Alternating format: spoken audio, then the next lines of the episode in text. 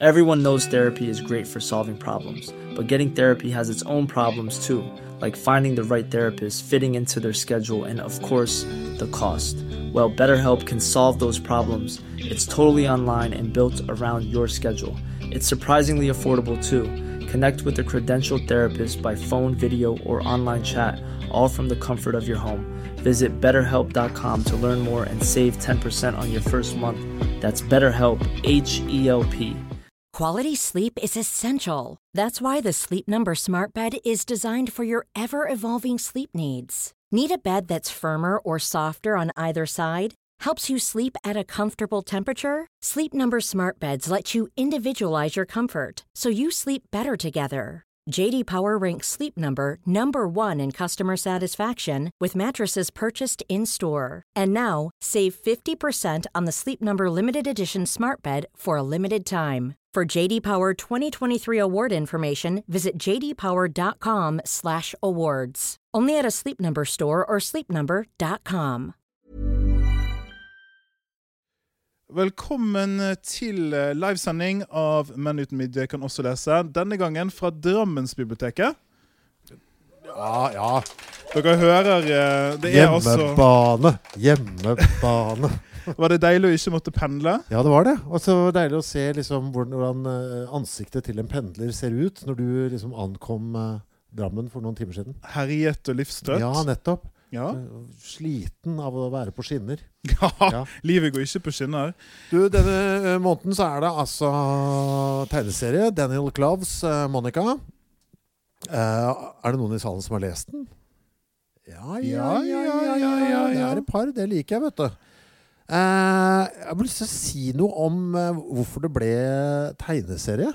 Ja. Det er første tegneserien vi har hatt i Bokpodden. Ja, og for meg så henger det litt sammen med det å egentlig bare fordøye historier. For jeg føler at det er på en måte to hovedformer man pleier å fordøye historier på. Det er i eh, romansform, eller så er det i levende bilder. Altså enten film eller TV-serier. Det er jo sånn liksom man ja, tar det inn over seg. Mm. Og så har du da en sånn, sånn mellomting som er tegneserien. For det, altså Med romanen så lager du alle bildene sjøl i huet. Du bestemmer liksom eh, Mm. geografien i rommet du leser, du tillegger dem litt stemmer og sånn. Og på film så er det jo satt, ferdig presentert for deg. Sånn ser verden ut. Mm. Dette er det som skjer. Det er en mer felles eh, enighet om eh, det man tar til seg. Mens dette er en sånn mellomting. For du hører jo ikke stemmene til hovedpersonen. De lager jo sjøl. Men Mm. scenene blir på en måte satt i større grad da, enn det blir i en uh, romansform. Så det blir en sånn jeg vet ikke, en sånn halv, halvvariant. Semiroman, semifilm. Måten man fordøyer det på. Er du Mm. enig? Det er en helt annen måte å lese på. Ja. Uh, jeg er veldig glad i tegneserier. Det er jo du også. Ja. Uh, og det slo meg nå når jeg leste akkurat denne som vi har lest nå, at eh, jeg snakker jo aldri om tegneserier. Nei. Det er veldig vanskelig å snakke om tegneserier. De av dere som har hørt min underveisepisode, hørte du den? Nei. Nei. Å nei. Den var helt uh, forferdelig. Da, det som det da blir til, er at man sier det man ser. Og så står en dame, og så sier hun til den andre damen. Skjønner du? Ja, jeg skjønner. Uh, men jeg er, jo, jeg er jo enig med deg at det er et eller annet slags halvhybrid, eller har fordeler og ulemper for to ulike medietyper. Jeg glemte å høre på episoden din. Ja, Ja, det ja. ja. Men reagerte du også på at Oi, shit, her har jeg ikke lyst til å gjøre notater i margen? Ja, for det er ikke plass heller. Nei. Eh, så det er jo- en ting som er et praktisk problem. Jeg har løst at dere ser publikum de berømte lappene. Ja. Eh, så det kan godt være at jeg hoppet over noe. Men jeg skrev veldig lite. Vanligvis så skriver jeg mye når jeg leser. Mm. Men her har jeg skrevet litt sånn oi. Eller litt sånn ha-ha. Altså, jeg, vi kan jo si det med en gang. Dette var en surrealistisk uh, affære. Uh, Kan, jeg si, kan jeg si dette? ja, si Som jeg nå skal si. Mm. Jeg har ikke skjønt hva jeg har lest. uh, så i dag folkens, så er det egentlig Kristoffer som skal fortelle meg hva jeg har lest.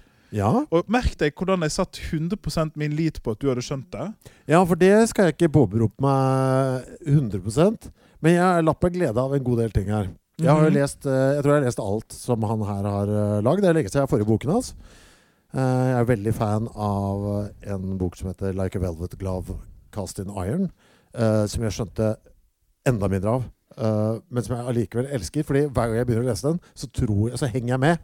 Og så går det galt for meg mentalt eh, underveis. Ja. Og så har jeg veldig rare drømmer eh, mens jeg driver og leser boka. altså. Men altså, jeg blir jo glad altså Lenge før historien begynner, så blir jeg eh, glad. Det, for det starter jo, sånn som alle bøker, så er det en sånn introduksjonsside ikke sant? hvor det står hva boka heter. Den heter Monica, hvem som er forfatteren, det er Daniel Claus. hva forlaget heter, hvem som har stått for design, og også sånn praktisk sånn copyright-info og sånn. Ikke Ja. Jeg tror faktisk at nå skal vi vise dere, Ja. folkens. Innenfor en gangs skyld så kan vi vise dere noe. Sånn ser det ut. Ja. Så, masse, så har han delt opp denne, disse informasjonsbitene med så små firkanter. Allerede her blir jeg glad. For da er det da første bilde eh, amøber. Andre bilde noe som altså, Han viser jordens utvikling, ikke sant? Dette er altså Ja, livets utvikling. livets utvikling, og de, dette er livet i henhold til Klaus. Eh, første bilde amøber, som da kryper et eller annet oppå jorden. Vi får landdyr. Dinosaurene kommer. Meteoritten treffer. Eh, dinosaurene er døde. Vi har pattedyr. Eh, ape går over til å bli menneske. Og så begynner liksom eh, det flotte begynner å komme. Egypterne, Jesus på korset, svartedauden. Uh, uh, det blir oppdaget Amerika. Vi får Shakespeare her. Industrialiseringa. Skal du si alle? Ja, for det er okay. det som er gøy. Første verdenskrig. Uh, nei, det er det ikke. Det er amerikanske borgerkrigen. Første verdenskrig. Hitler. Atombomben. Og så, Little Richard, og så Little Richard. Og det er da jeg blir Ok, han, altså han har ramset opp alt det viktigste som har skjedd eh, på planeten Jorden. Men han må ha med Little Richard. Og så Sputnik. Ja, Og så skjønner ikke jeg det neste. Hva er det? Nei, det vet ikke jeg heller. Uh, men det er ikke så farlig for meg. Jeg bare, det, sier litt om, altså, det sier litt om cockyheten, det syns jeg, til, eh, til eh, Daniel Klaus. At han skal liksom ta med hel, alle de viktigste tingene som har skjedd i hele verden. Men da må han nesten ha med Little Richard. Det syns jeg var veldig gøy. Ja. Du ble ikke Hæ? Drapet på, Drapet på Kennedy, er det selvfølgelig, ja. Det, det er det. Så flott. OK, så drapet for Kennedy. Ja, mm, Mm -hmm. Men det er jo en mann som er glad i popkulturelle referanser, dette her. ja og USA. Ja. Eh, vi begynner historien med noe som egentlig ikke har noe med saken å gjøre. Og I mine ord, altså. Mhm. Og det er at vi er det Vietnamkrigen. Ja. Eh, så vi møter dette Altså Han har delt det inn i kapitler, selvfølgelig, som er, seg ja, hører bør. Allerede der er jeg glad, skjønner du. For jeg, er ikke ferdig med det. skjønner du. du. ja. Vi er kommer, fordi- vi kommer ingen vei i dag. jeg er, ja, men jeg er lykkelig før det har begynt. For allerede innholdsfortegnelsen gjør meg varm om hjertet. Men jeg skjønner hvorfor. Det er det fontene. Ja, nydelige fonter. Eh, hver, eh, hvert kapittel har sin egen font, og jeg elsker alle fontene. Og jeg elsker fargevalget på fontene. Og jeg er liksom Ja, men det er, det er noe gærent med meg. Men, det, men med denne introen, altså før det i det hele tatt har begynt, så jeg er tungt investert bare pga. det estetiske. Og fordi det er en sånn selvtillit i innledninga her. Jeg hadde elsket hvis noen Du eh, trykker på noen rare knapper i meg. Jeg hadde elsket hvis den nye versjonen av denne hadde et sitat av deg på cover. Det sto 'Jeg elsker fontene' Ja, som en blurb. men se på den på det nest siste kapittelet som heter Krugg. Hvor det er litt sånn, Sånn hårete Helt sånn hårete fussy font. Deilig, vet du. Ja. Jeg skal stjele det, ja, faktisk. Bruke det i bandsammenheng. Det er ikke tull heller. Mitt første notat er på side én, og det er hvordan snakker man om tegneserier. Altså Jeg møter på det på første, første bilde. Ja.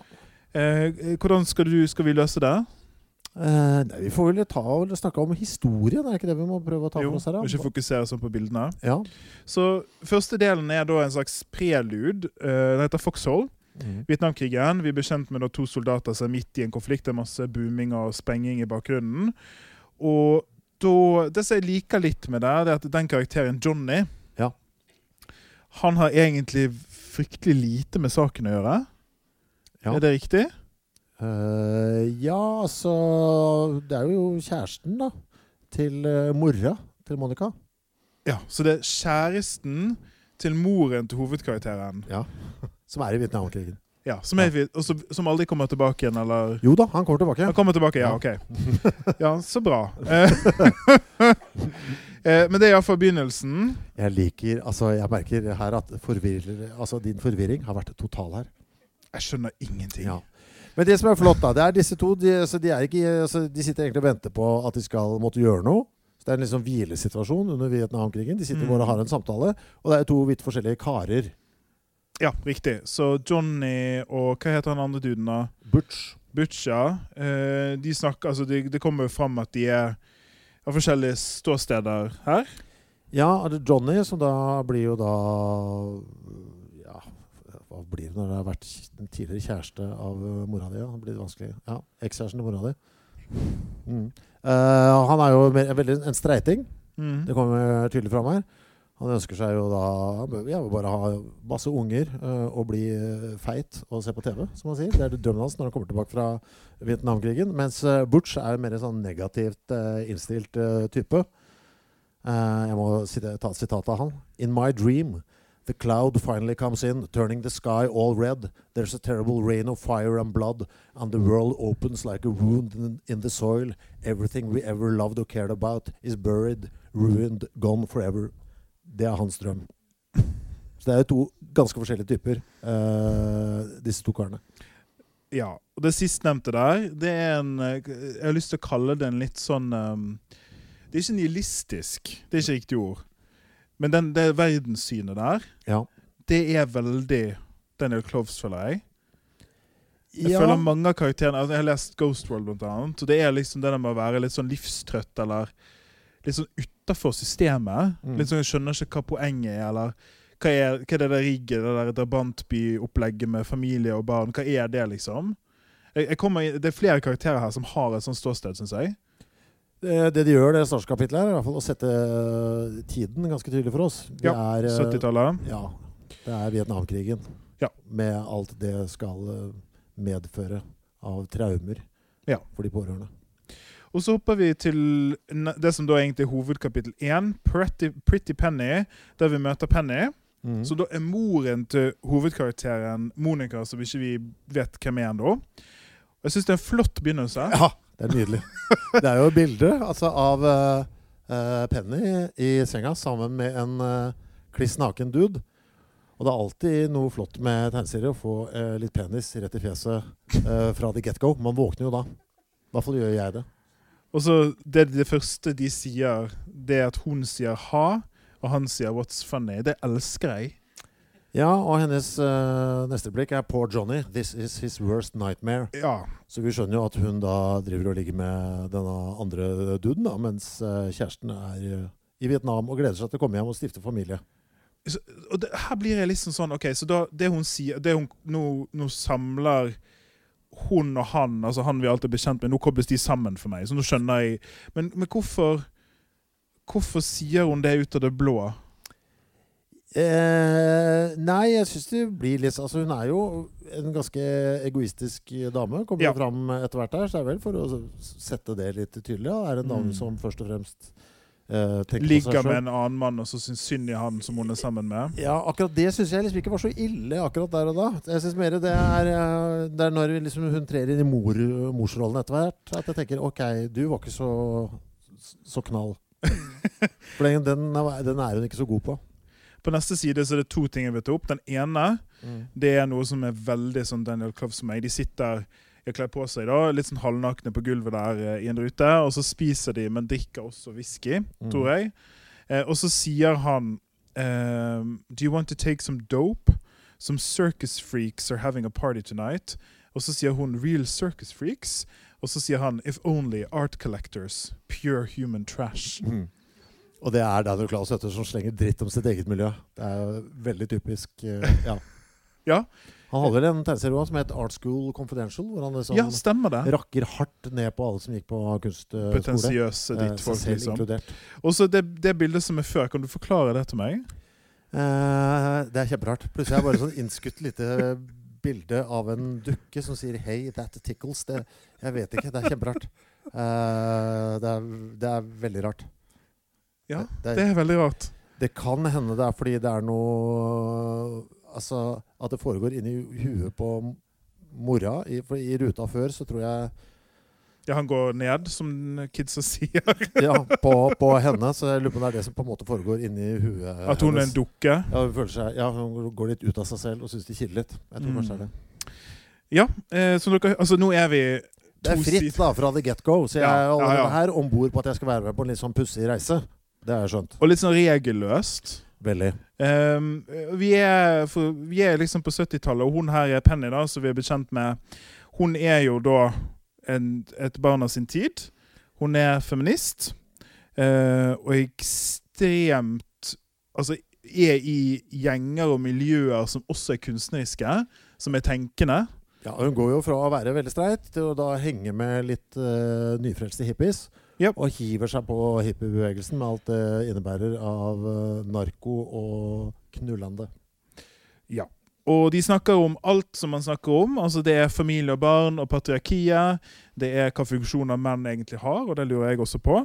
Eh, det, er det er kunst, og hva kunst skal være og ikke skal være.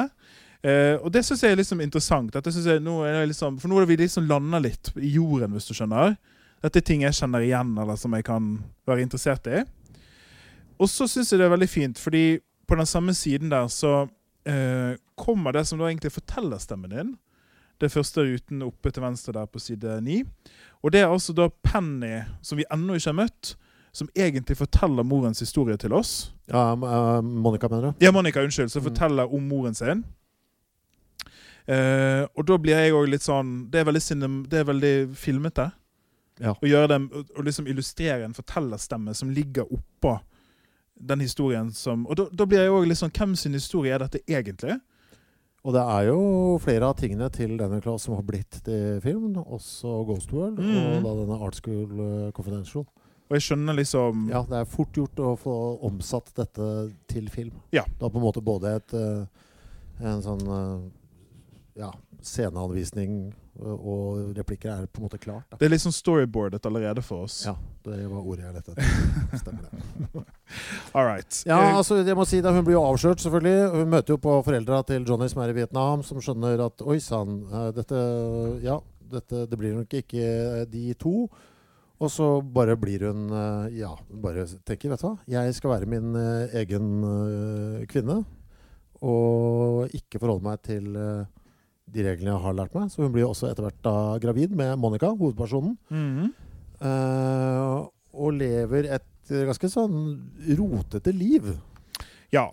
Eh, det er et liv um, uh, Jeg har på side Jeg har lyst til å oppsummere litt hvor vi er på side 14 øverst der. Ja. Det er da altså uh, Monica som forteller om Penny. Vi ser Penny gå i flotte 70-tallsklær her med barnevognen, strentende nedover gaten, og så er da fortellerstemmen sier 20 months later I was born. Not only was Penny on the pill, but she was known to use spermicidal jelly, parentes yum, and several spurious hippie herbs for added backup. She really didn't want a baby, said everyone I asked, but no one could say why she didn't get an abortion. Possibly it was a fuck you to my dad, daddy on time, who was never see, uh, never even seen me, or her parents, or just to general. Som står der nedover, fuck you America in general. Det, det er flott. Nå, er, nå, koser jeg meg. For det, dette er så det er så spenstig historiefortelling. Mm. Sier så mye om hvem hun er, at hun kan få en unge bare som et generelt fuck you til America. Og at hun er et mysterium. Det, det er, jeg, jeg, gjorde no, to notater sånn på sida på det tidspunktet her av lesinga. Så skrev jeg at det, dette er veldig USA. Og så er det sånn Dette er sånn, for meg litt sånn USA som jeg kan like å være i. Det føltes litt sånn trygt og familiært. Jeg sånn, Å, USA i gamle dager. Det syns jeg, det liker jeg. Dette kan jeg ha et sånn romantisk uh, forhold til. Mm. Hippietida. Og så har jeg også skrevet et notat her. Mm, fikk lyst på vegg-til-vegg-teppe. For det, det, har de i alle rommene her. Mm, ja, det ser koselig ut. Og så ser det varmt ut her. Så jeg var sånn, jeg får sånn her, ja, dette var, ja, men jeg, jeg var sånn Nå koser jeg meg, liksom. Ja, jeg koser meg også, men av litt andre grunner. Okay. Og da Så får vi altså Altså, vi blir kjent med Nå er da eh, Monica et barn her, og litt sånn omstendig. Vi trenger ikke ta alt, men hun vokser opp rotete. Det er liksom først en litt sånn der eh, sidefamilie med masse bråkete unger som hun må være rundt. Jeg bor i et kollektiv her. Ja, litt sånn hippiekollektiver og sånn. Og så er det jo det som da blir den store historien her, at um, den godeste Penny hopper fra mann til mann.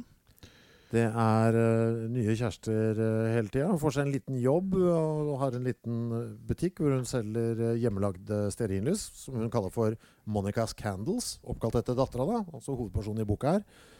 Eh, det var kanskje det eneste lyspunktet i den oppveksten hennes. At uh, mora fikk seg en butikk som hun kalte opp etter henne. Ja. så- også, som senere brenner ned. som senere brenner ned. Det er veldig symbolsk. Muligens påtent av en av de forsmådde ekskjærestene. Det vet vi ikke. På side 19 så er det bare Jeg synes det, det satt liksom tonen veldig for hvordan livet hennes er. For da, da har altså nå, nå bor de hos en annen fyr, og så opplever da Monica at det kommer et par. Et rart par på besøk. Vi skjønner jo hva det betyr.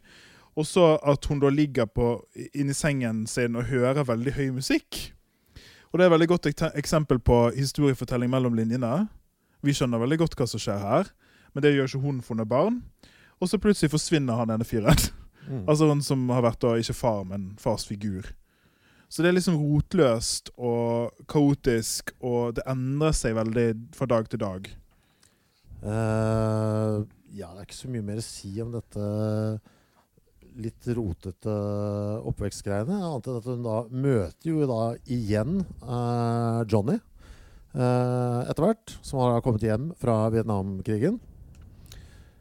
Eh, og han eh, er forholdsvis ryddig, da. Eh, litt sånn hippiete. Det er han som dukker opp på side 21 der spiller gitar.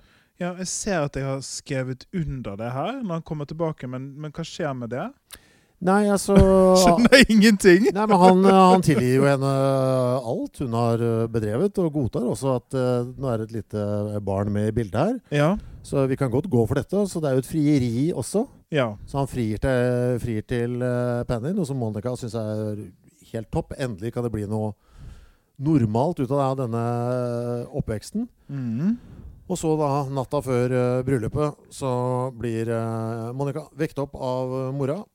Hun eh, stikker av gårde, kjører eh, av gårde med bilen med Monica baki, og dumper henne eh, på trappa til sine egne foreldre. Ringer på og stikker av og lar henne bli igjen der. Mm. Uh, og da kommer jo setninga. From that that moment on I lived a normal life, happy and safe from harm, but I never saw my mother again. Yes. Den har jeg også merket. Mm. Og så langt i dette så er jeg med. Det er foreløpig sosialrealisme. Ish. Ja, men det er sosialrealisme for ganske liksom, Det er jo Ja, det har ikke skjedd noe helt ko-ko ting, men bare vent til neste kapittel. Ja, for da Det er det, det, er, det, er det han, han gjør ofte, det der, med de bøkene sine. For sånn er det med den Like a Velvet Glove Cast in Iron også. Det er liksom f- flat struktur i starten, og så, er så plutselig er det full uh, psykedelika.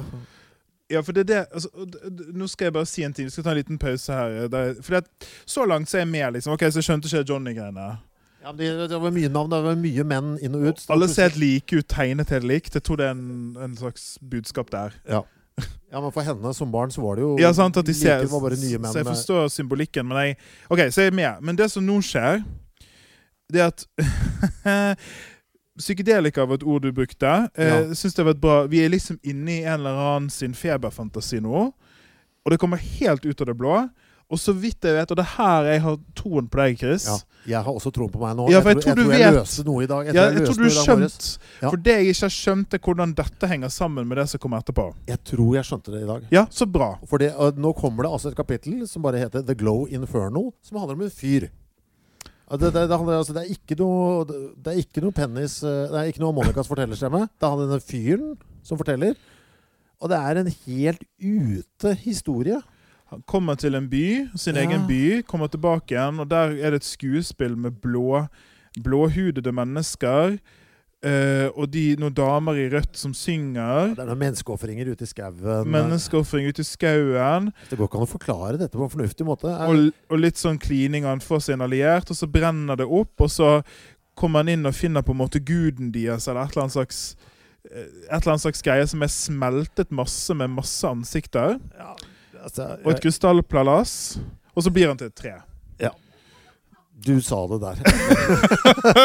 ja, altså det er, Jeg bare viste til de som er i salen. Altså, han blir til et tre. Altså Det er en trestamme med et lite ansikt på. og det, der slutter det kapitlet. Uh, og litt sånn pompøs prat også. I would watch over the generations, my roots nourished by the blood of their vanquished, until the day when I too would plead for an unmingling from uh, the immortal guest, a final release into sawdust and tan, tan bark. Jeg vet ikke. Nei. Uh, hva, hva- gjorde det med deg når du kom dit? Ble du forbanna, eller ble du Nei, oppgitt? altså- ble du? Jeg ble forbanna seinere når jeg har lest alt. Mm. Men her tror jeg at det er et mål med det. Ja, ikke sant? Så her tror jeg ok, nå, nå er vi i et helt annet landskap. Enten så kobler han på dette seinere Fy faen, jeg gleder meg så Du har så selvgodt smil. Ja, fordi jeg, jeg Altså, vet du jeg ser det nå. Jeg ser det rett foran øynene mine. ja, så bra. Ja. For du Jeg tror jeg løste en Jeg, tror jeg, jeg fikk et skattekart i gave når jeg gikk løs på boka. Jeg tror han er Jeg, jeg kan ta det etter hvert. Ta det etter hvert. Eh, for det var et eller annet Når man leser det først, så vil man bare lese det lineært tvers igjennom. Fra A til Å. Men Mm. eh, jeg tror han har vært lurere enn som så. Jeg tror han egentlig vil at jeg skal lese dette to ganger. Ja. Eh, så du røper for meg, da, når vi kommer dit når du skjønte det? Ja. Ja. Kan jeg, jeg må vente helt til slutt, vet du. Ja, ja, men det er lov. Ok, Så er det et nytt kapittel som da heter Demonica. Som er da Monica, som nå er blitt voksen. Ja. Eh, Eh. artig ordspill på navnet hennes. Eh, nå har hun jo Da kommer du fram med en gang, da. For hun blir jo etterlatt hos eh, sine besteforeldre. Skal vokse opp der. Og det starter med at nå har bestemora dødd. Bestefaren har allerede dødd, så hun er nå helt aleine. Mm. Det var da de besteforeldrene som moren etterlatt hun med for lenge lenge siden. Så disse er liksom de eneste stabile foreldrene hun har kjent. Jeg syns jo tonen her eh, er god. eh, for eh, kåken er jo da tatt over av broren til mora, altså hennes onkel. Ja, My uncle Tommy and his whore wife flew, flew in from Houston. jeg vet ikke. Jeg bare syns det var uh, Du sier mye med lite. Du skjønner, Ja, ja, du skjønner ja, hva forholdet hun Ja, ja. har til koden hans nå. Elsket uh, formuleringen. Så da, da tar hun liksom inn til er det en sånn feriebolig eller et eller annet. Du er litt fornøyd nå, ikke sant? For nå er det vanlig historien. Ja, og nå, nå har jeg fortsatt håp. Nå skjønner Ja. jeg, nå tror jeg vi skal et sted. Jeg også. Men det ryker det ryker snart, det skal du se. se. Allerede i dette kapitlet så Ja. skal det gå gærent Ja, igjen. ja, ja. Ja. Ny snublefeller. Vi kommer til det. Eh, så han så hun drar da liksom litt sånn i sorg og, og sånn for å rydde ut av et hus her. Er det familiehuset, eller? Ja, de har en hytte som hun får til å bo i sånn eh, over sommeren. Og hun vil jo ikke ha noe med folk å gjøre. Og blitt slutt med kjæresten har det blitt også, så hun er superaleine. Hun har ingen. Bare en onkel og hans whorewife, da. Så hun eh, tenker vet du, jeg skal bo på denne hytta her, aleine. For det er Ja, syns, syns jo ordentlig synd på seg sjøl, og skal egentlig grave litt ekstra i og synes synd på seg, seg selv, da, ute på hytta der. Og så er det da eh, ikke så viktig de andre rundt, men det hun da oppdager, det er det som da blir den neste snublefellen min. En radio. Vet du hva? Du, dette jeg, skjønte jeg først når jeg leste den gang to. Hun kommer jo ut på denne hytta, Mm. og der finner hun en gammel Walkman som hun har kjøpt til sin bestefar en gang i tida. Som han aldri har giddet å bruke. Er det Walkman, ja? Ja, først, det radio. ja det blir en radio, skjønner du. Å ja. det, blir, det er enda verre. Fordi første beskjed der det her blir helt ko-ko for meg. Jeg kan godta det som skjer med radioen, nesten. Okay. Men jeg kan ikke godta det som skjer rett før. Fordi Walkman er jo pakka i sånn plastgreie. Ikke sant? Det kommer inn sånn der, sånn du vet Når du kjøper noen nye ting, så er det i en sånn plasttray. Sånn der, ikke sant? Ja, ja, ja. Hvis du ser på side 40 der. Jeg sitter og ser nå. Ja, hun har jo tatt ut walkmanen. Så begynner det å bråke i den plastdingsen. Den Jeg begynner, ser det. ja, den, den begynner å si bzz, bzz på natta. Og ut av den plastkladden uh, så hører hun ordet Radio Monica. Ser du det? Dette har jeg bare blink... Jeg, Ja, ja, men du ser det på side 40 jeg tror jeg har fått et lite slag Ja, når jeg, jeg leste fikk- Bare vært sånn Ja, men du, jeg jeg fikk også det slaget. Ja. Jeg så ikke det før, før jeg leste den på, på nytt her i dag morges. Men faen, det er jo det plastbrettet som sier Jeg ser det nå når du sier det. Plastbrettet sier til henne 'gå til radioen, Monica'. Og så går hun til radioen. Så går hun til radioen, og det er da, eh, når hun skrur på den, at eh, lyden av hennes eh, avdøde bestefar kommer ut av radioen. Først der. Altså, men jeg skjønner jeg- men jeg, For, skjønner, og radioen kan jeg godta, men jeg kan faktisk ikke godta det plastbrettet.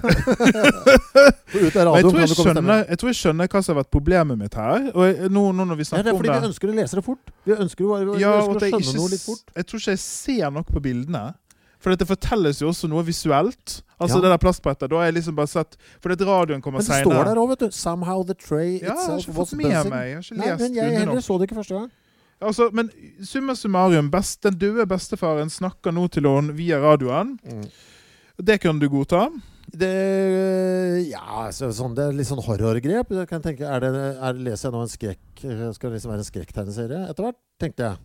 Det kommer også for øvrig fram at eh, sant, hun tror jo på Kan det være bestefaren min som snakker gjennom eh, radioen til meg. Så hun tar, tar sånne tester.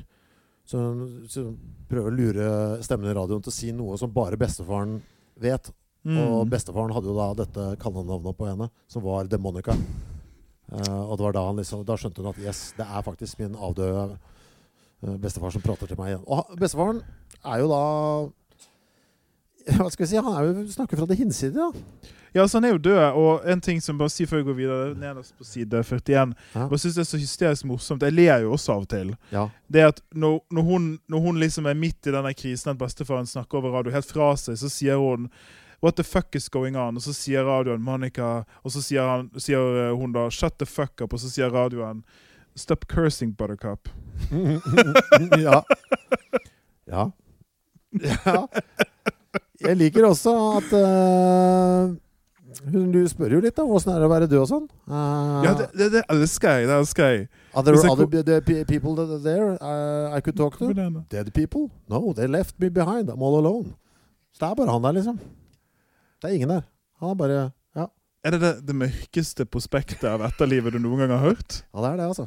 Han sitter i et mørkt tomrom og kan bare snakke med hun over radioen. Jeg syns det var så fryktelig blekt. Han sier jo også det. If there's a God, I sure as hell haven't seen him. uh, det, ok, så det syns jeg Det liker Det er det jeg alltid har likt med Daniel Glaves, at han er veldig god på å si Du får så mye smak i replikkene. Altså Det sier veldig mye om Han er jævlig god på replikker. Han er kjempegod på replikker. Det, er, det må jo også være i tegneserieformatet, for det, det er jo replikkene halve historien skal fortelles i. Men mye sånt er gull her, syns jeg. Jeg godter meg, jeg ler og smiler og For Mm. alt har et point of view. Alt er liksom Alt har en smak, hvis du skjønner hva jeg mener? Kan jeg ta noe på side 45? Ja. Som bare er et sånn tegneseriegrep som man egentlig bare får i sjangeren. sjangeren. Er vanskelig å vise fram her, men første ruta øverst eh, på side 45 eh, Da har jo det, hun fått besøk av ekskjæresten sin, som plutselig vil være sammen med henne igjen da, ute på denne hytta. Og han driver tydeligvis og babler. Og da, han Ja, liksom, det der, ja. ja, ja. ja, da lar han liksom bare snakkebobla bli Altså, den bare forsvinner. Altså, Formørkes av hundenes egne tanker. ja, du ser det bare, det, Han bare fortsetter egentlig å Neste rute kommer i veien fordi han Vi får ikke med deg resten av replikken hans. For det er bare Altså, Han babler tydeligvis så mye at Vet du hva Den får vi ikke sett engang. jeg likte det også Ja. veldig godt. Han bare kutter den av. Deilig. Okay, Tilbake til radioen, Ja. eh, og han der eksen, og hun er liksom det er, no, det er noe jeg er litt sånn på tynn is, for jeg skjønner ikke hvor vi skal. Nei. Eh, men hva er det Ja, Hva er det nå? Hva er det? jeg skjønner ikke hvor vi skal, og det ender Eh, Det ender at alt var et koma.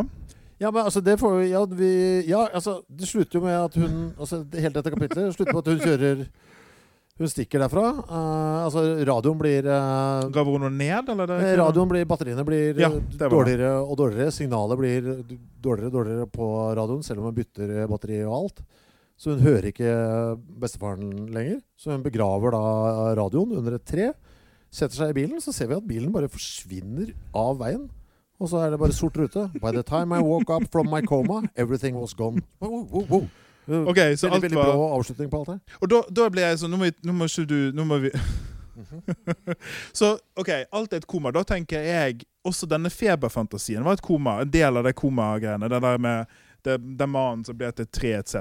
Ja. Altså Jeg begynner å tenke det da At dette er en del av liksom hennes fantasiliv, og hun har hatt det som en komafantasi eller noe. ja da. Det er det som er litt så koselig. Vi som leser finner på grunner hele tiden. Ja, for at dette skal gå opp. desperat. Ja. desperat på jakt Ja, etter vi, la, mening. vi lager sånn kobling Ok, det må være sånn. Det må være sånn. Jeg prøver sånn. liksom Og så bare hold den tanken, fordi at de neste siste stripene i det kapitlet da, For det er ikke slutt med det der, det er bare mørk rute. Så er det fem ruter til. Eh, og da har jeg skrevet hva Nei, jeg har skrevet 'Hvor er vi? Hjelp'. Ja, men det er ikke det begynnelsen på neste kapittel, tenker jeg. Jeg tenker det bare The incident, at det er bare delt ned. Ja, jeg kan vise dere her, så dere ser publikum. Jeg tenker at det, det hele kapittelet begynner liksom det Med det. Ja. Men, men til og med hvis det gjør det, Mm. så skjønner jeg ingenting. Nei, for det er jo en ny, det er en ny story, ja. Nå føler vi Johnny igjen. Altså denne barndomskjæresten. Altså han fra Vietnam. Og er det han? Det er han, faktisk. faktisk. ja, det er han som skyter òg? Ja, ja, ja. Han har nå blitt litt sånn leiemorder. eh, altså privatdetektiv som henter hjem et barn som en mor har etterlyst. Ta med barn altså, Her skal vi gå fort gjennom masse kapitler, her, for det er helt uforståelig. Han drar med seg denne ungen eh, tilbake til skal til mora. Eller unge og unge, det er en ungdom. Eh, og byen er eh, bare veldig rar. Eh, Det er egentlig hele historien der. Ja, Byen oppfører seg veldig underlig. Alle er eh, veldig rare. Altså, Ja. Det er et intermesso à la han fyren uh, som var ute i skauen og ble til et tre. Ikke sant? Det er sånn type kapittel. Ja, men det er litt annerledes også, for det er ikke, så, det er ikke, det er ikke surrealistisk. Eller det, er- det er iallfall det, er jo- det er jo rart, men det er ikke overnaturlig rart, hvis du skjønner? Nei, folk er, nei, det er mer sånn Det er starten off. på en skrekkfilm. Folk, Ja, noe er off, men det er ikke Det er ikke liksom Det er ikke kjempe-koko. Det er ikke en smeltet likemasse i skogen med masse Nei. ansikt. Og dette gir mening for meg nå, vet du. Ja. Det er en ting som slo meg vi skal bare, Chris, vet ikke om du så det, men helt i begynnelsen her på kapittelet, på, det blir vel på side 49, så er det en skikkelse der som ligner litt på han fyren som er i den der feberfantasien. Han står med lilla jakke der med sånn rar bolleklipp. Ja, Ser du det? sant, det? Ja, Og, det jeg ble sånn, og da ble jeg litt sånn håpefull, for jeg var litt sånn Ja, ha-ha. Ja, Men du, det er jeg helt enig i. Ja, men jeg har ingenting å si, da. Ja, men det er, det, det, vet du, der tror jeg det er en link. Jeg tror du det? Ja, det tror jeg. Kanskje du har andre halvdel Ja, av det, det det, det, det tror jeg faktisk eh, er samme dude. Ok, så nå hopper vi fram i tid. Vi er tilbake hos eh, Monica. Nå det, og nå er det sosialrealisme igjen. Ja, nå koser jeg meg, eller nå skjønner jeg det, er vel riktig å si. Hun har blitt en stor suksess, det kapitlet heter også 'Suksess', med dollartegn selvfølgelig. Jeg liker veldig godt første setning. A lot has happened in the past 22 years. Åh, deilig. Nå skjønner jeg hvor jeg er i historien. Det har gått 22 år. Uh, Vi ligger langt fram i tid. Hun har da altså tatt over morens uh, candle shop mm. og gjort det til en stor Eller det blitt, litt til hennes overraskelse også blitt en kjempestor kommersiell suksess. Og nå er hun liksom mediepersonlighet som driver farter rundt og gir intervjuer og sånn, men hun skal liksom tappe ned det her, da. Jeg skal selge bedriften. Selge bedriften. Og så ender Nå er Unnskyld at jeg bare ler og ler. Nå er jeg på side 54. Nederst til høyre. Så plutselig så ligger hun i sykesengen. In my memory, the accident had taken place on a warm sunny fall afternoon. Ja, fordi altså denne Det som skjedde i, når hun dro fra denne hytta, kjørte av veien, da. Mm. Vi fikk den svarte ruta hvor hun sa at hun endte opp i et koma. Det er et bilde uh, som er sommer. Uh, og så sier jo da legen til henne, når hun da kommer ut av koma You skidded on a patch of black ice and landed in a snowbank. Så, du, så da går ikke det opp? Så minnet hennes derfra er tydeligvis galt. Dette er for øvrig ting hun da Dette blir jo da fortalt fordi hun driver og gjør en sånn avslutningsintervju eh, til de som skal ta over eh, Ja, bransjen. Ja. Og da blir jeg Og så kommer da radioen med bestefaren igjen. Uh, woven through the delusion. Hvordan eh, er det å høre på denne praten her? Og så, vet du, Jeg må bare le. Hvis ikke dere Jeg skjønner ingenting. Det, det, ja, det skjønner dere. Men her er min, her er min sånn in situ-beskrivelse til meg sjøl mens jeg leser dette. Dette er en veldig rar historie. Mhm. Koma, det første punktet mitt. Hopper til en personlig assistent som var en vellykket tenåringskatalogmodell.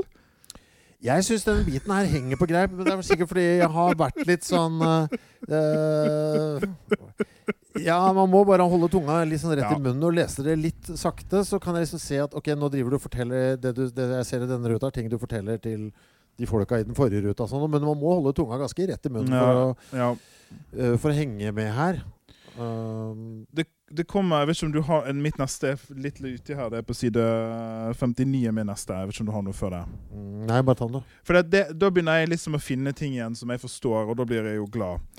For det, det hun forteller om, er på en måte hva som skjer med en karakter som opplever suksess. Det er Altså- et veldig bra kapittel. Ja, det er veldig, og, da, blir jeg også, da finner jeg også masse her. For det handler om hvordan dette med berømmelse egentlig er en korrumterende kraft. Hvordan berømmelse også ødelegger og besudler, og du blir avhengig av det. Og du finner liksom ingen vei tilbake igjen. Hun Eh, gjør jo veldig gode penger på denne Hun har gjort veldig gode penger på det. Såpass mye at hun da altså selger det for å bare kunne leve på penga. Eh, men det har jo gjort at hun har måttet få seg nye venner og ja, alt. jeg jeg skal bare lese, jeg tenkte jeg skulle lese litt av det også. Det er, nå er jeg på side 58 her. Success has a strange effect on people. You think you just stay the same as before, keep it real and all that, but no, you'll change in ways that are both hard to imagine and entirely predictable. You hear people say, I don't even care about success, I'm happy the way I am. But the truth is, you do care, and uh, no, you're not. It all happens quickly. You buy nice socks, a car, fancy dinners. It's worse than heroin. Once you're addicted, that's it. There are harsh lessons about human nature at every turn. You're hated, but it's not personal, more like an animal thing. It actually feels kind of good, if you're being honest. Og det som vi ser, da, det er at hun sitter på første klasse på et fly, og plebeierne går forbi. Jeg liker også at hun får de der våte, rulla håndklærne. vet du. De der små håndklærne. Ja, det kommer ut på siden her. Ja, for det synes jeg er så godt tegn på Ja, luksus. Så enkelt tegn på suksess. Mm. noen gir deg de der ferdigrulla, våte, varme håndklærne. Og det er jo, hvis vi, vi må holde litt i denne karakteren eh, Karakteren Monica. For det at, altså, ikke det egentlig handler ikke veldig mye av dette, hvis du bare tar vekk litt av det surrealistiske. Handler ikke det om ensomhet? Masse. Eh, Isolasjon, liksom? Og utenforskap. går Utenforskap. Gjennom, gjennom hele, som en rød tråd gjennom hele boka. 100% Og det skal det bli mer av. Å ja. Altså For å oppsummere så har vi da altså Monica. Vokste opp med en uh, hippiemor som eh, forlot henne. En veldig rotete oppvekst uten noe, å være rotfesta i noe som helst. Kommer seg ut av dette på et eller annet vis, riktignok via en eh, pussig episode hvor hun hører sin egen bestefar snakke gjennom en radio. Men hun klarer i hvert fall å gjøre seg selv til en ordentlig businessdame og gjør suksess. Kommer seg helskinna ut på andre siden. Det er der vi er i storyen nå. Mm. Så hun har egentlig fått alt på plass, men hun mangler jo øh, trygghet i så måte at hun ikke vet hva som skjedde. Altså, hva skjedde med mora mi? Hvem er hun? Mm. Og hvem er ja, faren min? Hvem faen er det? Altså, hun har jo den usikkerheten, da. Mm. Og nå har hun jo fått ting såpass på stell at hun har roen til å kunne bare gå for å finne ut av det. Og det er jo det hun prøver på. Hun finner jo ut da av mora, antageligvis, eh, endte opp i en sekt. Dette elsker jeg. Ja. De som kjenner meg, vet Du er glad i sekter? at jeg er glad i sekter. Ja, det er jeg òg. og det snakker vi mye om på bakrommet, holdt på å si. Ja, altså det er mye sektedoku-tips som går eh, fram og tilbake her. Altså, det er, min kattemynte. Gi meg en god sektdokumentar. Det finnes, Du tipsa meg jo om uh. Love Us One. Oh. Uh, var det HBO? ja. Eh, for de som har det. Det har vært eh, årets favoritt for meg. Altså. Det er altså så bra. Og jeg tror også det er en Love is One-referanse inni her. Ja, jeg tror kanskje Men, men her er jeg liksom Ja, dette vil jeg ha. Jeg vil ha ting om sekter.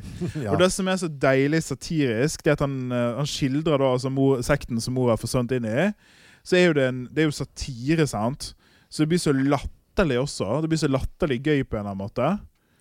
Eh, ja, altså det er ikke noe si Altså Hva den sekten tror på, det er bare sånn vanlig uh, sektopplegg. Uh, vi ikke bare si det sånn? vi kan bare si det sånn. Vi kan si Ja. det sånn. Uh, men jeg kunne godt ha snakket bare om det. Eh, Men hun oppsøker den, da. Sekten. ja, på jakt, på jakt etter svar. Ja, hun lurer på Kan det slumpe til at mora mi fremdeles er medlem. Ja. Eh, så hun prøver jo å infiltrere sekten, og nå går det over til å bli jeg vet ikke, en slags thriller, nesten. Eh, ja, for hun klarer jo å elge seg innpå dem. De bor jo selvfølgelig avsides til. Ja, sånn som sekta alltid gjør, og finner de til slutt. Det er bare en bitte liten ting her på side 75. Jeg skal bare ta det, for det er sånn der han, der han koser seg med sekt, hvor, hvor nonsens dette Ja, ja, ja, ta det. Det er fint. Da når de introduserer seg sjøl. Så alle sekter La meg fortelle dere om dette. Som en ekspert av sekter. Eh, de skal jo, Du kan ikke på en måte ha navn. Du kan ikke bare hete det du heter. Sant? Det må utslettes. Så du må finne på masse sånn teite systemer Mm. for, for hvordan du skal være i din nye, opphevede form. Og her er måten de introduserer seg sjøl på. I am sister, sister Cheetah. I'm sister, sister Alice. I am brother, brother Pudding. Ja, det lo jeg så godt av, jeg òg. Brother, brother, pudding. Men det er jo sånn som de gjør i Love is One òg. Det er jo sånn sister mother og sånn. Ja, Sånne det er det rare samme. Ja, OK. Men, Det er dette jeg egentlig vil snakke om, vet du. men da, når han liksom drar inn de sektegreiene her, og det er mye litt sånn alternativ eh, tenking og sånn, eh, så kjente jeg på meg at ok, nå, nå driver du jo egentlig også og sier ganske mye om vår samtid, altså. Eh, jeg tror det er litt derfor han har lyst til å dra det inn her òg. Det Ja. er jo en liten periode med Hva skal vi kalle det for noe? Kreativ eh, religiøsitet eh, i samfunnet generelt. Ja. Mm. Hva er det du føler han sier noe om, da? Nei, at, at han skal peke på noe som foregikk eh, på 70-tallet. Mm. Og, og som kanskje også er i ferd med å komme tilbake da, Ja. i større og større grad. For det er jo Ja, jeg også syns det var veldig interessant det der med uh, Ja, sånn som du sier med samtidig med sat For han er jo satirist. Han, han er jo, det er jo det han er god på. Han er god på å sitte ting på spissen og finne ting ved livet vårt som er rart eller underlig. og liksom Og nå er vi kanskje på, egentlig på 90-tallet, sånn handlingsmessig i boka, eller enda seinere. Ja, iallfall nærmere nåtiden, tenker jeg. Ja, så vi er jo Ja. Mm. Og da blir rigga at for at hun her eh, Monica da skal klare å liksom komme til den innerste indre kjernen her, så er hun også nødt til å bli et genuint medlem. Så da skal hun gjennom et rite, og her har jeg skrevet bare Gud, Mm. altså som i herregud. Eh, jeg skal vise publikum Var ikke det deilig? Det det, der, det bildet nederst her. Vet ikke om dere ser er, det det. er det det på side 81? Uh, ja. Eh, Fordi hvordan kan du beskrive for lytterne våre hva du ser? Nei, De har jo sånn kostymedrama da, vet du, for å innvie henne i sekten. Så det er en fyr i rød pysjamas og noe greier. Og så et eller annet, drittkostyme. Men hun som er min favoritt, er jo Eller det er faktisk en dude. Det er en bladder bladder pudding, tror jeg. Eh, som har eh, oppvaskhansker på føttene, sokker på henda, har teipa opp nesa, sånn som man gjør når man skal være morsom på fest, og øyebryna. Og har noe, et eller annet, noe strikker i munnviken. Altså, det er så dårlig kostyme at det er Men de skal liksom. De skal liksom fremføre på en eller annen måte riten, da. Eh, og så ender det opp med at hun da liksom gjør det som hun skal, og gjennomfører, og havner da i det innerste inne. Der det sitter en gubbe Mhm. i lilla frakk med solbriller og en, en svart bob, altså frisyren. Ja, og hvordan ser han ut? Ja. Ja, det, han ligner litt på han der sektfyren. At nei, han der eh, fra den der feberfantasien. Han ligner litt på han som du sa at ligner på. At ligner på. Ja, men er det han? Det er akkurat samme sveisen, akkurat samme fargen på, på drakta. Ja, men Det så ikke jeg før nå.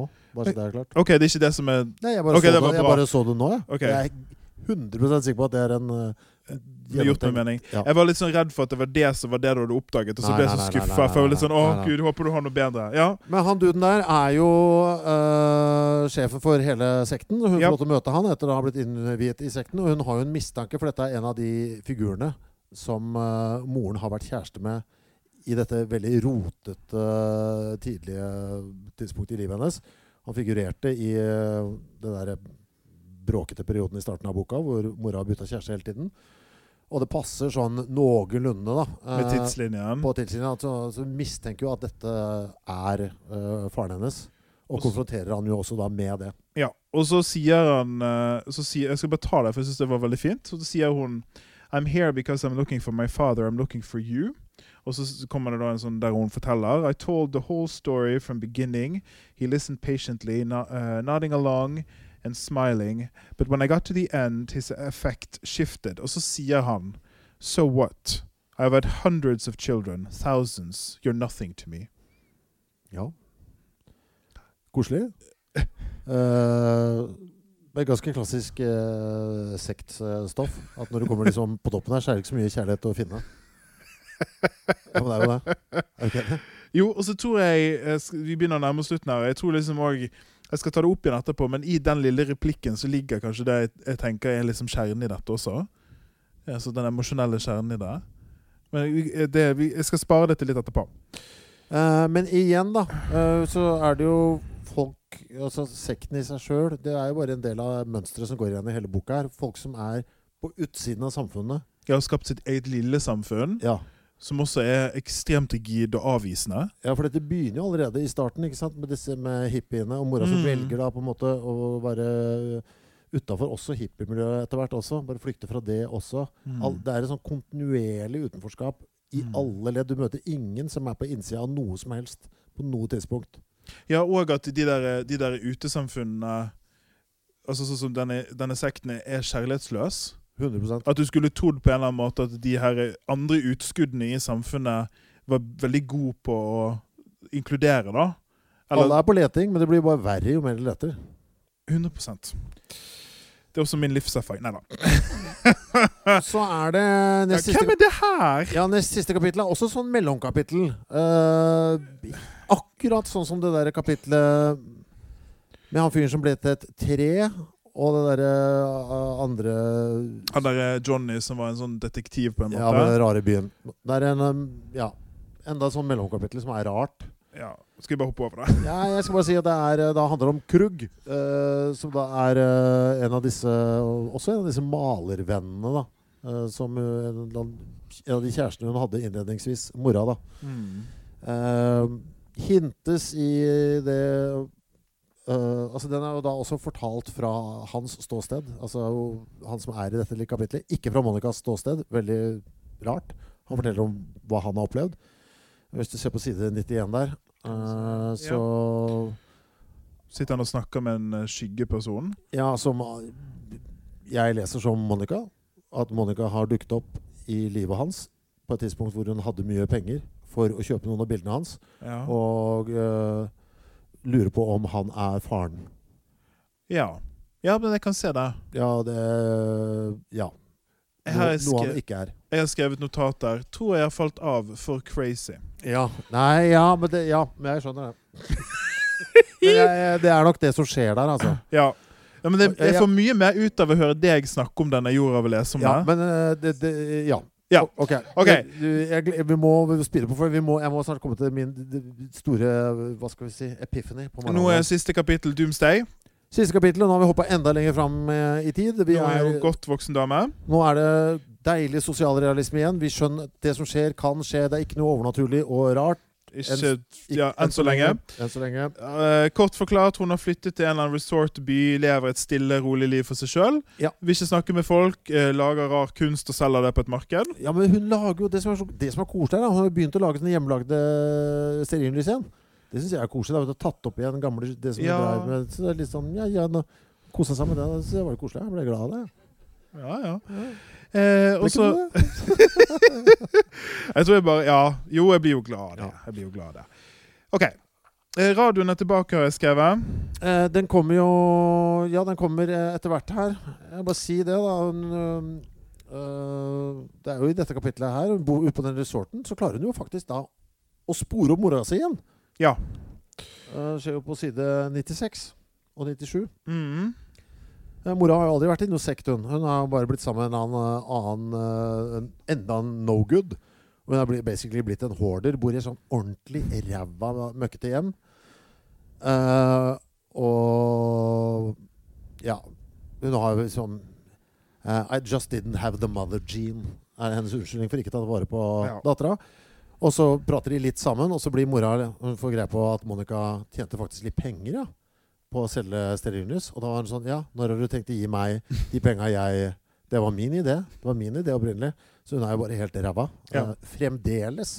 Så det er ingen forsoning Nei. her. Er Fullstendig utilfredsstillende, på en måte. Og så dør hun, da, mora. Det bare går Ja, det er fort. Never have I felt more relief, a true biblical cleansing, than when that final dumpster was hauled over the horizon. Hun kaster jo bare all dritten. Altså, eh, Det siste store tingen jeg skal si er på 104. Kommer din epiphany før eller etter det? Det kommer eh, Nei, det kommer eh, Det kom Jeg skal ta det snart. Det kommer etter. Okay. Det, er, det er etter endt lesing. Ja, ok, Så da skal jeg bare ta dette siste tingen jeg liksom reflekterte over. Det er at, ok, så Alt dette har skjedd. Litt av en reise. Coco Jumbo. Ja, Men jeg, du må, jeg må si bare Ja. For hun får seg litt Det blir litt sånn på denne resorten hvor hun bor. Ikke sant? Nå selger hun ikke sant? Blir kvitt mora. Sant? Det var ikke noe. Ferdig med det. Så møter hun jo en, Møter jo kjærligheten, da. Ja, endelig en, en ordentlig fyr Mm. som er like kjedelig som hun. Og det er alt hun vil ha. Ja, det Altså, Det er helt seriøst det hun vil ha. Og han fyren, Ja, han ligner på sånn som Daniel Klaus ser ut. Jeg har jo Er det epifanien din? Nei, men Nei, jeg syns bare det var litt nusselig. At hun blir sammen med en fyr som er beskrevet som ganske så tørr og kjedelig. Og det Og er Det kan fort være Daniel Ja. Klaus sjøl. Det syns jeg er ganske gøy. En liten sånn ekstra bonus for å rakke ned på seg sjøl også enda en gang. Så sitter hun der, altså Vi har vært med hun på denne reisen, ikke skjønt bedre enn noen av oss. Men uansett, vi forstår jo liksom hva det dreier seg om. Og da sier hun noe som jeg følte liksom Hvor er det nå? Hvilken side? Nå er jeg på side 104. Du, jeg må jo ta før det. Hun okay. møter faren sin på side 103. Å, Ja, Ja ja, OK. ja, ja. ja. Får, og det viser seg at han også var bare sånn Alt er bare dritt, liksom. Ja, han har jo fått seg Han har da han huska ikke så mye av dette. Ja, det var nok meg, ja, men det var jo så mye LSD på den tida. Han er blitt kristen og blitt sammen med en annen. Fått så masse unger og mm, kanskje litt predement. Og altså, det var, det er ikke noe det var ikke noe forløsning der heller for henne. Mm. Så også der så var det bare Ikke sant? Hun, Hun har bare forfulgt dette sporet. Altså, Hele livet, liksom? ja, ja, ikke sant? På jakt etter svar? på jakt etter svar. Hun finner de, men det er ikke noe svar i svarene. Nei. Mora er ræva. Uh, faren er bare Ja, jeg tok masse LSD. ja, Altså, det er ingen forløsning på noe tidspunkt. Og det er det jeg føler, det er det jeg sitter igjen med, og det er det det er det jeg liksom føler er kjernen i dette. Og da sitter hun altså da i bilen sin etter både møtt faren og moren, hele den historien, og sier, eller tenker, følgende. It's quite a blow to discover after a lifetime of fairytale fantasies that you're not really special. Just the unwanted fetus of two random fuck-ups caught in a confusing historical moment. Det er akkurat det der. Ja, Ja, og da er jeg litt sånn Det er det det handler om for meg. For hun har vært på denne reisen hele livet, bygd en hel mytologi rundt foreldrene sine, og spørsmål og svar, og jaktet og søkt opp, og alltid vært misfornøyd, eller i alle fall ikke i ro med seg sjøl.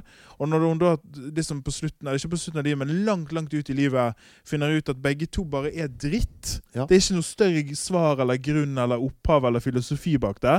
Det er bare to drittfolk som fikk en unge som ikke burde ha en unge, og hun er resultatet. Så er jeg litt sånn Ja, det kan jeg kjenne meg igjen i. Ja.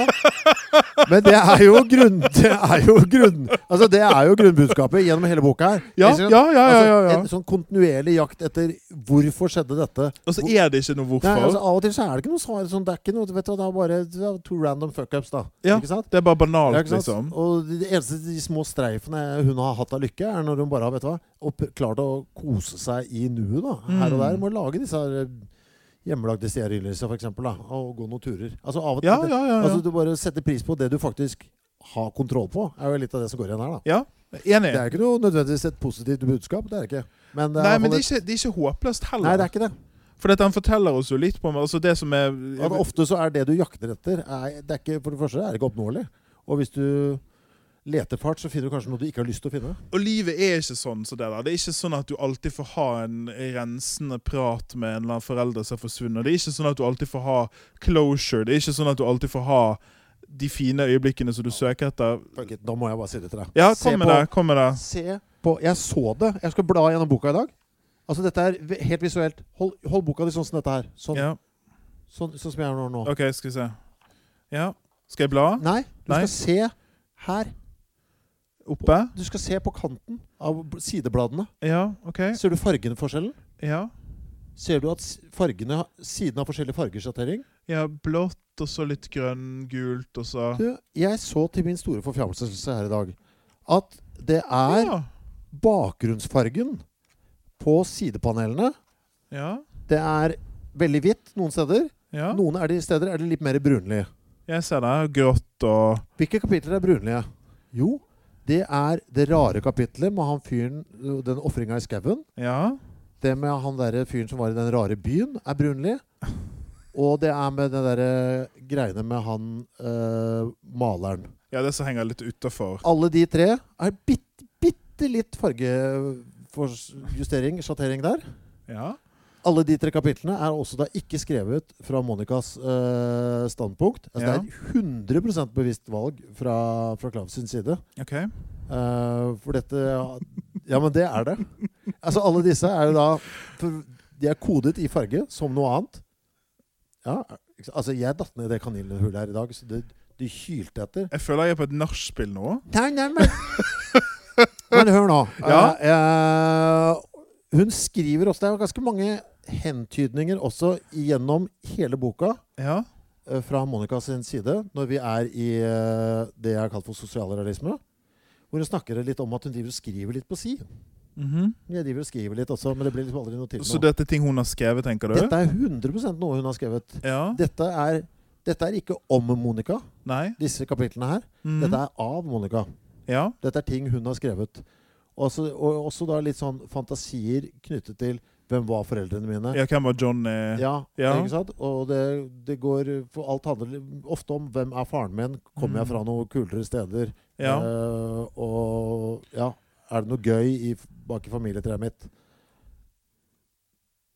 Ja. Men den der, den der feberfantasien der han blir om til tre, da Det er, så det er en av hennes uh, hennes forsøk på å skrive noe, noe spennende. Det er ting som foregår inni Monicas eh, hode. Det, er jo ikke noe med, det er jo ikke noe far her, eller ikke mye far i akkurat den, men du ser jo som du sier, da, disse figurene går jo igjen. Denne, Ja, men er det noe, da? ja, men det forklarer litt av det rare. Eh, at det er hun Ja. har valgt å skrive disse tingene. Altså, OK. Mm. Og for da vil du også se at i den der affæren hvor hun da besøker denne gamle maleren For dette Ja. er jo en sånn drømme-tenksituasjon. Tenk om han var faren min.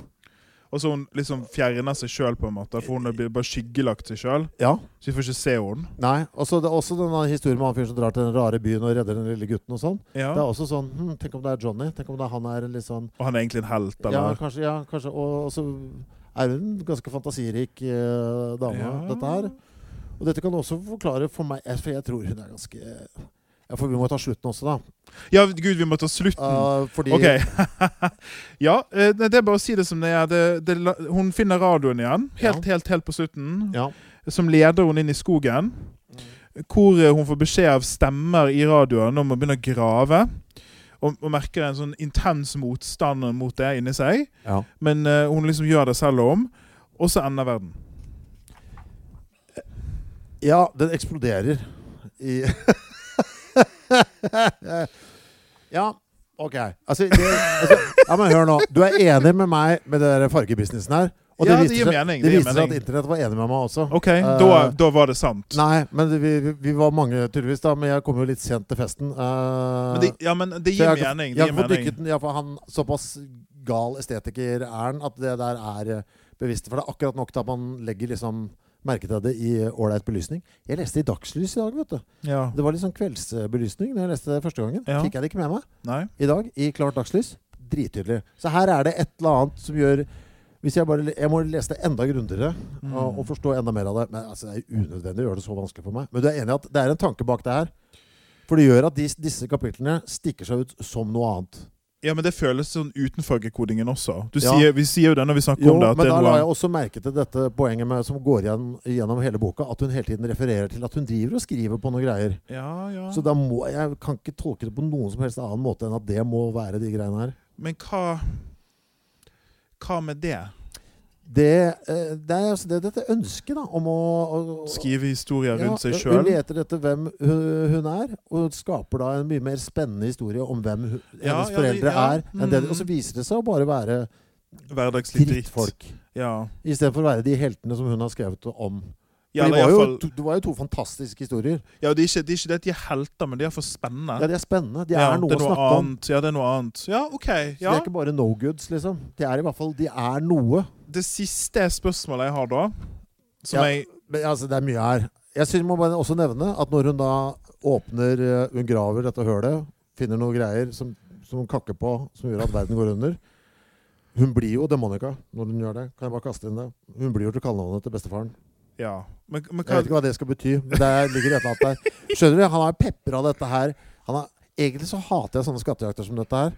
Ja. Uh, at det skal være så jævla vanskelig. Men han, han har tenkt mye når han har gått, laget dette her. Altså. Helt sikkert tenkt mye. Ja. Eh, vet men også, er det Han kommer god aldri til å si det til oss hva han egentlig mente. Han har sikkert lagt inn noen finter her òg, bare for å holde oss evig Ja, ja, ja. ja, ja. Jeg, bare, jeg tror det for meg Det koker ned til følgende for meg, tror jeg. At jeg syns ikke det er verdt det. Nei. Hvis du skjønner? For jeg, jeg liksom OK jeg, jeg, Jeg, jeg, når jeg leste skjø- Altså, jeg sier jeg skjønte, for jeg vet ikke om det stemmer heller. da. Han nekter jo å si hva det handler om. Uh, men når jeg leste det sånn som jeg valgte å ta det nå, mm, med at dette var hennes håp og drømmer om hva hun skulle finne ja. i form av fantasier hun har og sånn, da ble det mye tristere lesing. ja. Enig. Og, og, og det ga mer ja, Det gjorde det enda verre det at de foreldra var som de var. Så Ja. det gjorde lesinga bedre for meg når jeg kom forbi det Når det ikke bare ble sånn innsmett av kjemperart, ja. men når jeg fikk et mer sånn For jeg føler seg at jeg egentlig bare er inni hodet hennes hele Mm. veien her. Og det er øh, Ja, det er nesten Ja. Det er mer Det- enn at det er noe nedskrevet. At jeg bare hører lyden av huet hennes. Det jeg likte med det, det er at historien, når du siler ut det rare Hvis du begynner der, kjernehistorien er om en kvinne som er på jakt etter seg sjøl, og blir veldig skuffet over det hun finner ut. Mm. Og det tror jeg er veldig relatable. Jeg tror veldig mange av oss har det sånn på ulike måter når det handler om familie, det handler om hvem vi er som personer, hvorfor vi er som vi er. Det er veldig flott. Og så tror jeg at det er en i seg sjøl så sterk historie at jeg lurer på om noen av disse lagene rundt for meg blir distraherende. Jeg syns det er veldig spennende at hun skriver de, det, det gir mening for meg. Det at hun kanskje har, det, det vi får innsikt i disse rare Faktisk de historiene hun skriver. Det syns jeg er veldig pent. Men så, så er det rart at verden ender, og det er rart at Skjønner du? Det er rart, Denne sekten Det er så mye sånn distraksjon for meg Ja. at jeg òg føler at jeg faller fra. Ja, han gjør jo altså, unødvendig vanskelig. Jeg gjør det vanskelig for meg å, å følge med. Og så kjenner jeg at det, eh, Ja, det er jo litt sånn cocky move, da. Overraskende cocky move fra, fra han å på en måte insistere på at vi må lese den to ganger. Ja, Det har jeg ingenting til overs for. Nei, for? For han vet du hva? Han gir ikke med døren her. Hvis du ikke leser dette grundig, helst to ganger, Ja. så kommer du ikke til å ha nubbsjanse til å plukke opp eh, Ja. dette her. Fordi du blir Og da er det litt sånn Det er veldig få forfattere jeg bruker to ganger på.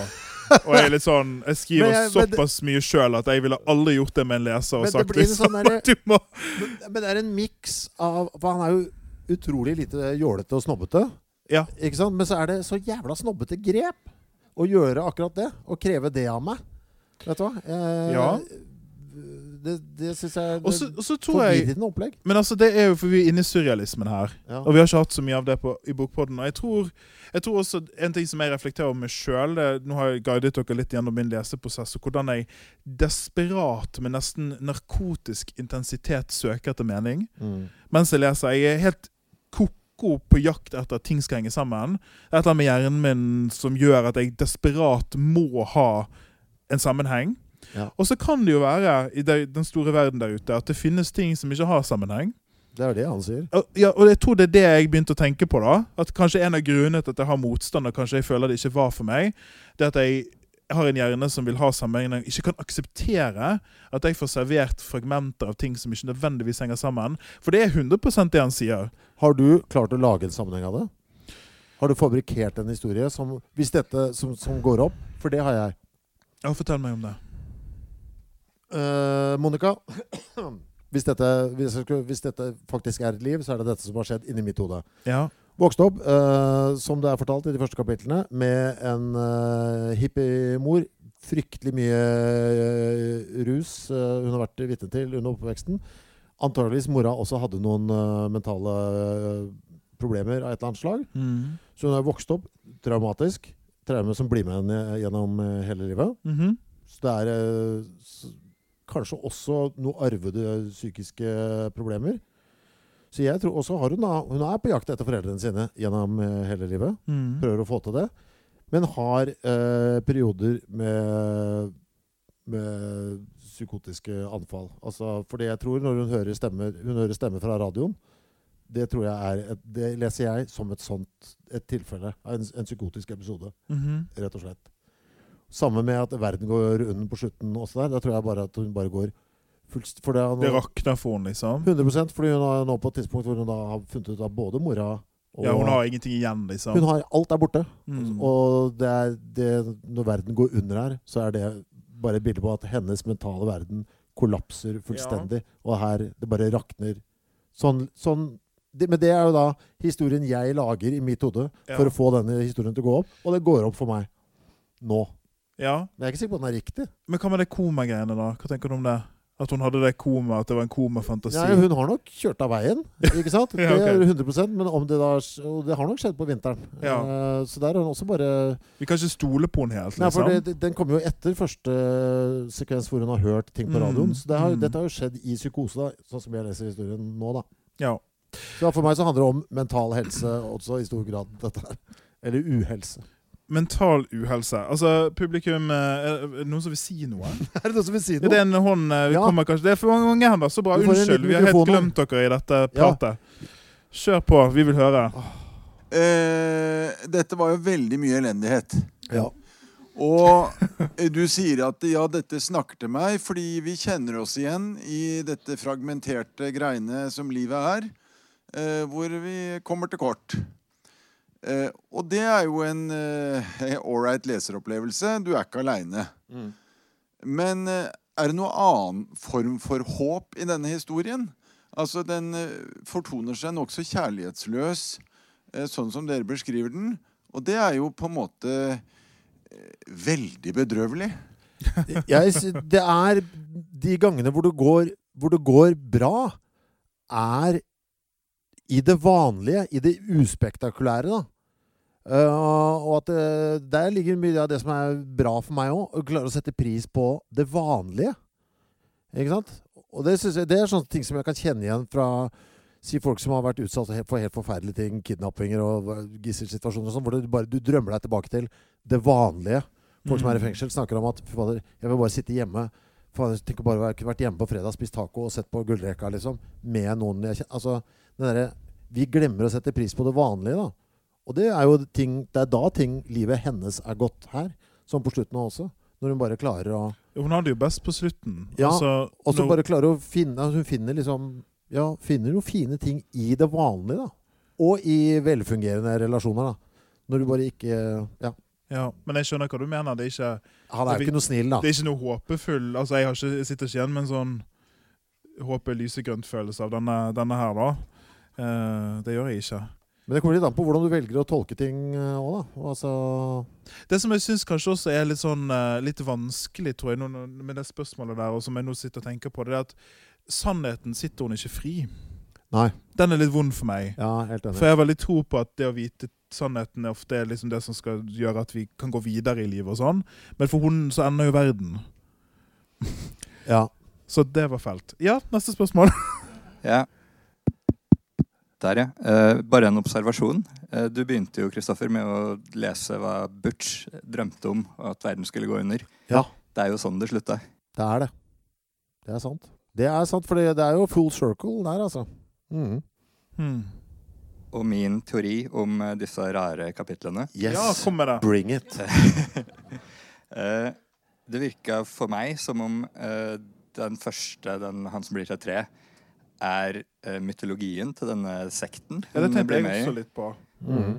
Uh, og hun snakker om at hun må lese seg opp da, før Ja. hun blir med, sånn at hun kan, eh, kan aksepteres. Uh, og på et eller annet tidspunkt så møter hun jo han Johnny, som også snakker om The Incident. Så jeg bare, i hodet mitt bare plasserte det seg inn i den byen der hvor den sekten en gang var veldig stor, da, før de nå trakk seg tilbake til det compoundet de bodde i nå. Hva tenker du om min teori om de fargede sidene og historiene har? Jeg tror kanskje heller det er ting hun har blitt fortalt, som hun velger å ikke mediere. Heller enn at det er noe hun har funnet på sjøl. Men Mm. eh, ja, det kan godt hende Men du er enig i at de fargede sidene må ha noe å si? Ja, ja, ja. Så dere, si ja, så også, dere det med altså. en gang, eller? Nei. Det, Nei? Du så det med en gang? Ja. Men det rare er det, jeg synes det var litt interessant det du sa med mangelen på håp. da. For det som er litt sånn rart når man leser det ikke sant? For det er jo ganske forferdelig lesing. Ja. Men så ler jeg masse òg, fordi tegningene er så morsomme. ja og så og så tror jeg For tegningene tegningen er gøyal. altså. Det er den derre den der surrete miksen Det er, det er, det er ordentlig suppe av greier, ass. Ja, det, det er mye. Det er mye å pakke for hverandre. Er det flere spørsmål eller kommentarer fra salen, så er det anledning nå. Eh, jeg kan bare skyte inn at uh, vi kommer ikke til å lese tegneserier sånn framover. Nei, ja, jo, vi det er kan altså- jo det. Jo, men det blir ikke noe sånn Det, det blir sjelden. Jeg er ikke en tegneseriepod, men jeg Nei. Jeg bare syns det var gøy å bare ta inn en sånn også, bare Ja, som, et, fint. som et uh, lite Jeg følte vi fikk slått to fluer i en smekk her. Både lest noe som er litt sånn krevende, Ja. surrealistisk og rart. Og så Og tegneserieform. Jeg, tror, jeg tror for meg, da, bare for å summe opp før vi leverer neste måneds bok og, og slutter av, det at jeg, jeg angrer ikke på at jeg leste. Altså, jeg har ikke vært sånn, jeg har ikke vært full av jubel. Eh, hvis ikke du f Nei, jeg ble dessverre litt sånn skattejaktglad på morgenen i dag. Og Ja. det kan fort hende med at jeg må ryke på en runde tre nå, bare for å se om teoriene mine holder. Uh... Vi kan ha en oppfølging. Mm. Men jeg tror, eh, jeg tror det også er fint som leser. Altså, jeg tenker liksom, Hvem er jeg som leser? Hva slags type leseopplevelser har jeg lyst på? Mm. Og jeg har ikke lyst på bare leseopplevelser der jeg jubler. Nei. Det er helt ok at noen ganger så blir jeg sittende litt sånn og undre meg. For jeg er ikke negativ, men jeg er heller ikke positiv. Nei. Det lander liksom et eller annet sted imellom for meg. Mm. Og veldig mye av det vi har hatt, har jeg enten elsket eller hatet. Så det er liksom ok at jeg også Men du kjeda deg ikke nå, nesten? Nei. Nei. Men jeg har vært litt sånn What? Og det er ok, det også, liksom. Ja, Du, neste måneds bok. Ja, det er jo du som har eh, valgt den. Ja. Har vi den klar, eller skal jeg bare Ja. Eh, du ga den noe til meg uh, allerede for uh, ti dager siden. Ja, altså De som er her i dag, vil legge merke til at det finnes Post-It-lapper i den boken. Ja, for jeg klarte ikke å la være å begynne å lese på den. Ja, Så den har blitt avlevert tidligere. Vi beklager at ikke vi har holdt oss til reglene. Det var min skyld. Fordi jeg trengte noe å lese. Fordi jeg ble fortere ferdig med Monica enn jeg trodde. Men du kan jo ta den fram. Det er jo jeg som har valgt denne her. Ja, jeg tør ikke si eh, navnet på boka. Hvordan uttaler du den E-en? Jeg vet ikke hvordan jeg uttaler etternavnet, men det er i hvert fall eh, Charlotte Brontë Bronte sin Jane Eyre, eller Air? Area. Air, sier publikum. Vi stoler på dere. Eh, kan jeg, ja. ja, Nei, jeg må bare si det skvatt som helvete da du ga den til meg. Uh, fordi uh, For uh, rett etter at jeg var ferdig med Monica, så kjøpte jeg på Kindlen min Wuthering Heights. av en annen Bronte eller Ja, Bronte. ja, jeg, og jeg trodde det var samme Bronten, vet du. Og, så jeg begynte, jeg begynte på den, og bare Fy faen, det her klarer jeg ikke. Eh, for det, det var for vanskelig for meg. Så Litt sånn gammel engelsk slang og sånn. Ja. Så da ga jeg opp etter eh, veldig tidlig. Tolv sider eller noe sånt. Så bare Dette klarer jeg ikke. Så når du bare slang den og så Hva? Så, nei, nå er det jeg, hadde, jeg trodde jeg akkurat slapp unna, men så er det jo søstera, da. ja. Eh, Jane Eyre fra 18 et eller annet. 18 er det 68, jeg husker ikke 47. helt. Ja. Dette er jo, for de som ikke vet, jeg tror publikum vet Jeg ser dere nikker Det er en klassiker, dette. er en klassiker. Jeg har ikke lest den før, men har hatt veldig lyst veldig lenge. Det er eh, Det blir av mange sagt at det er liksom den, den kvintessentiske feministromanen. Med en sterk kvinne som nekter å la seg tråkke på av systemet, og som går sin egen vei i samfunnet. Jeg kaster meg på å si at den var overraskende lettlest. Ja. Når jeg eh, har kommet i gang her. Det var deilig. Jeg tror, den er, jeg tror den er bra, men vi får se. Den skal vi også lese fram til neste gang vi møtes, og det er i Ålesund. Eh, k- kan du Hvordan si Er det liksom prikk, prikk, prikk eh, Nei. Ålesund, prikk, prikk, prikk, by.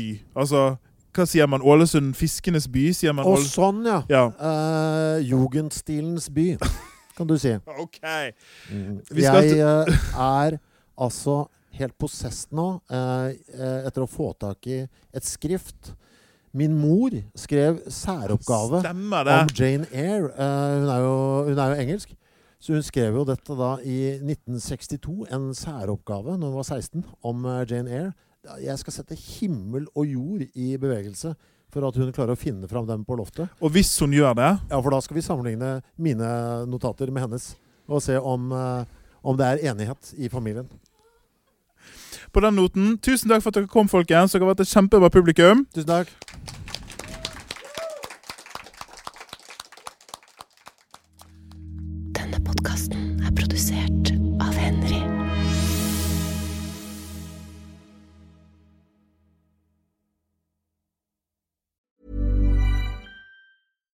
Deserves the best, and there's no better place to shop for Mother's Day than Whole Foods Market. They're your destination for unbeatable savings, from premium gifts to show-stopping flowers and irresistible desserts. Start by saving 33% with Prime on all body care and candles. Then get a 15-stem bunch of tulips for just $9.99 each with Prime. Round out Mom's menu with festive rosé, irresistible berry chantilly cake, and more special treats. Come celebrate Mother's Day at Whole Foods Market. Even when we're on a budget, we still deserve nice things.